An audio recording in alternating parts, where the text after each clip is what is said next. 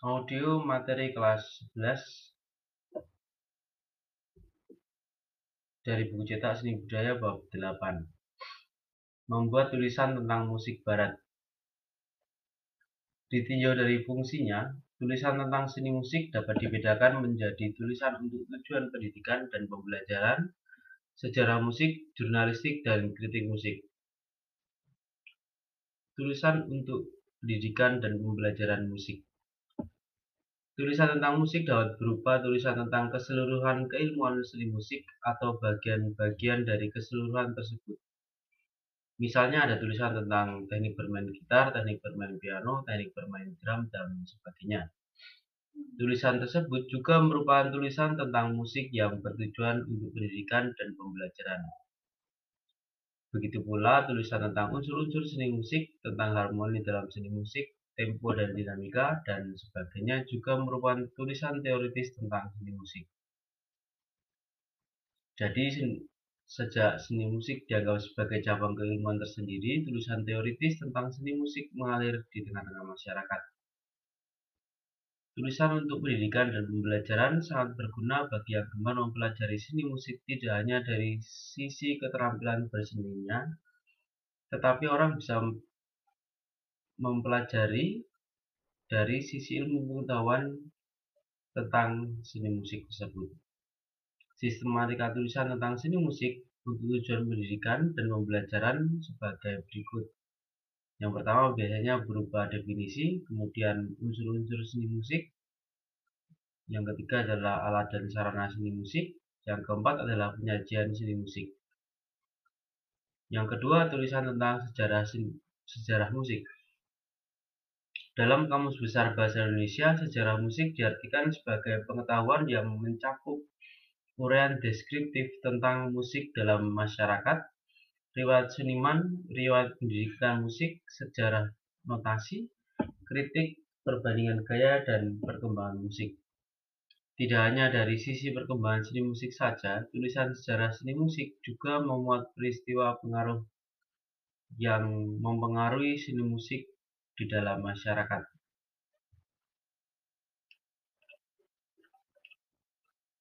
Berikutnya adalah tulisan tentang jurnalisme musik. Tulisan jurnalisme musik adalah tulisan yang berisi ulasan seni musik, khususnya pertunjukan musik atau peristiwa musik yang lain, sebagaimana tulisan jurnalisme pada umumnya. Tulisan jurnalisme musik juga dimaksudkan untuk menyampaikan informasi kepada kalayak tentang suatu berita. Jadi, tulisan jurnalisme musik juga menonjolkan tersampaikannya informasi tentang pertunjukan musik kepada khalayak. Prinsip-prinsip tulisan jurnalisme musik sama dengan tulisan jurnalisme musik pada umumnya.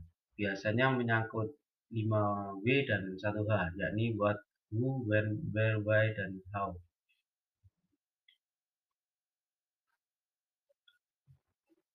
Kemudian tulisan jurnalisme pada umumnya memberikan ulasan yang objektif dan faktual.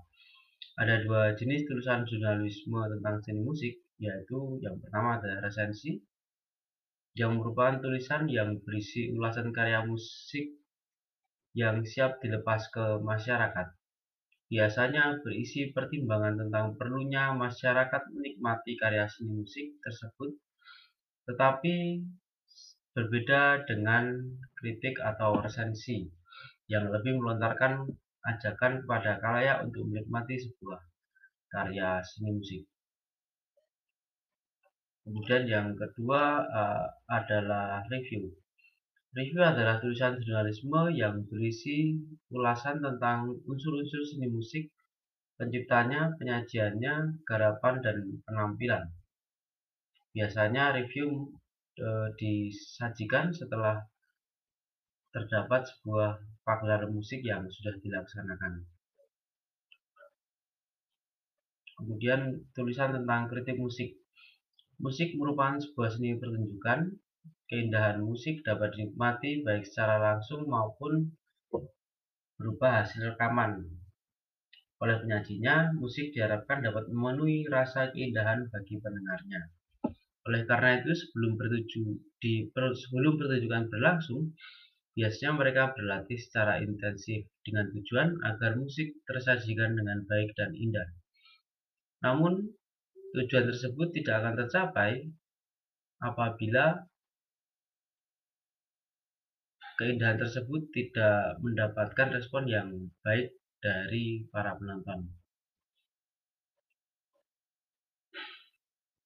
Pengetahuan, pengalaman, dan penguasaan keterampilan serta perasaan musikal yang dimiliki juri pada sebuah ajang kontes biasanya menyampaikan pernyataan-pernyataan yang berupa kritikan.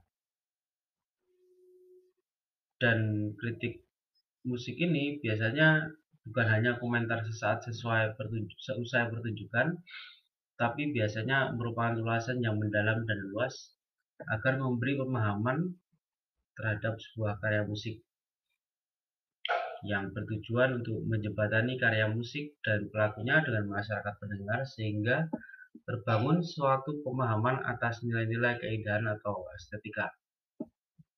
Dalam seni musik biasanya terdapat tiga komponen penunjang kegiatan yaitu penciptaan atau kreasi atau kekaryaan yang banyak dilakukan oleh seniman kemudian apresiasi atas eh, penerimaan atau penghargaan yang berasal dari karya ramai atau masyarakat ataupun eh, dari kritikus serta karya seni itu sendiri yang berupa produk maupun proses.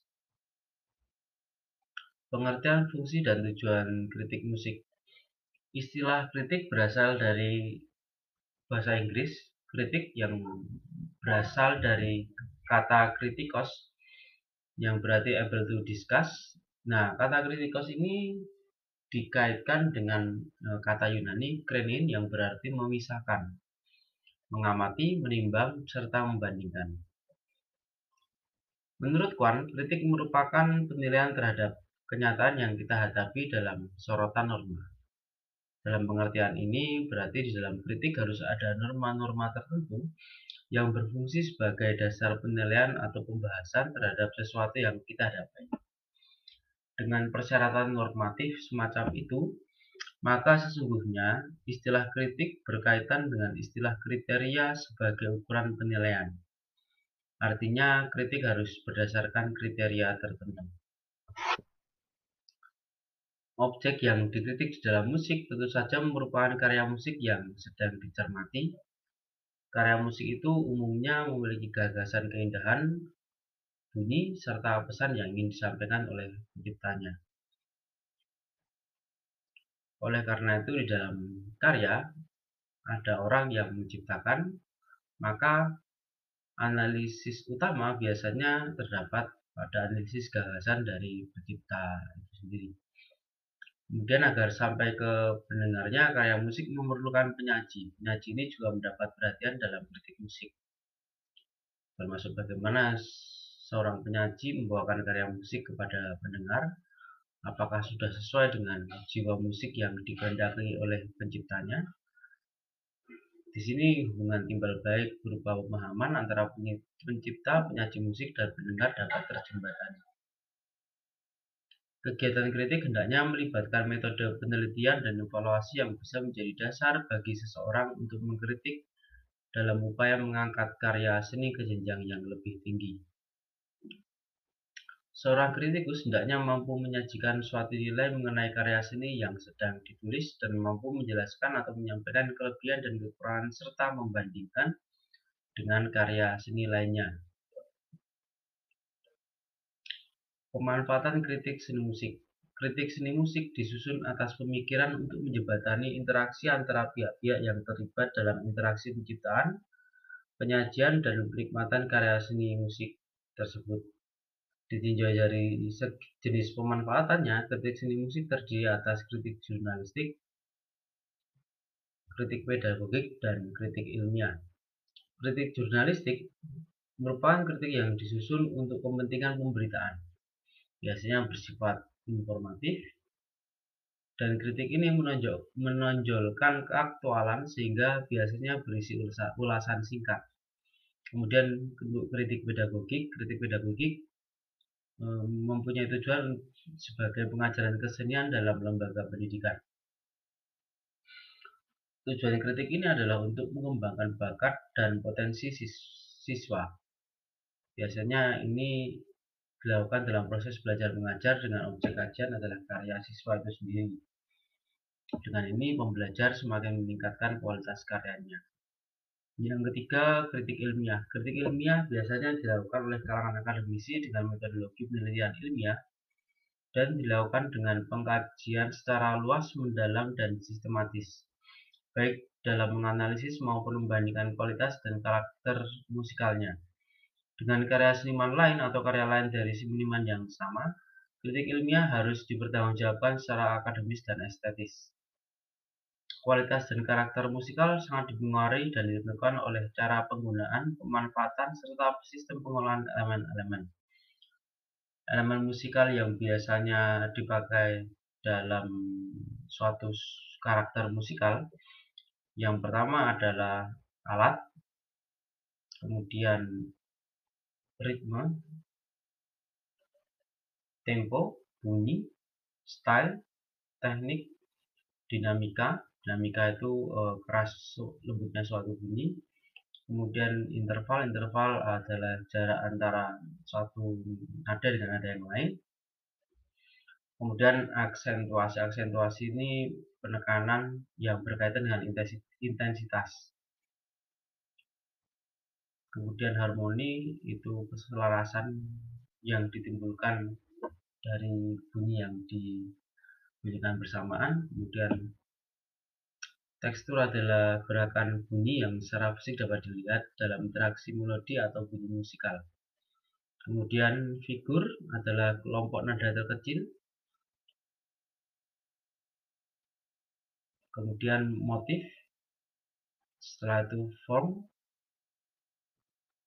ornamen. Ornamen itu hiasan pada bunyi kemudian modus atau tangga nada kemudian untuk penyajian kritik seni musik itu biasanya dilakukan eh, secara lisan maupun tulisan. Penyajian kritik musik secara tulisan biasanya dilakukan dalam bentuk yang pertama biasanya meliputi pendahuluan, deskripsi, kemudian analisis, interpretasi, kemudian evaluasi, setelah itu kesimpulan atau rekomendasi. Demikian, selamat belajar. Silahkan mendengarkan. Semoga bermanfaat bagi kalian semua. Terima kasih.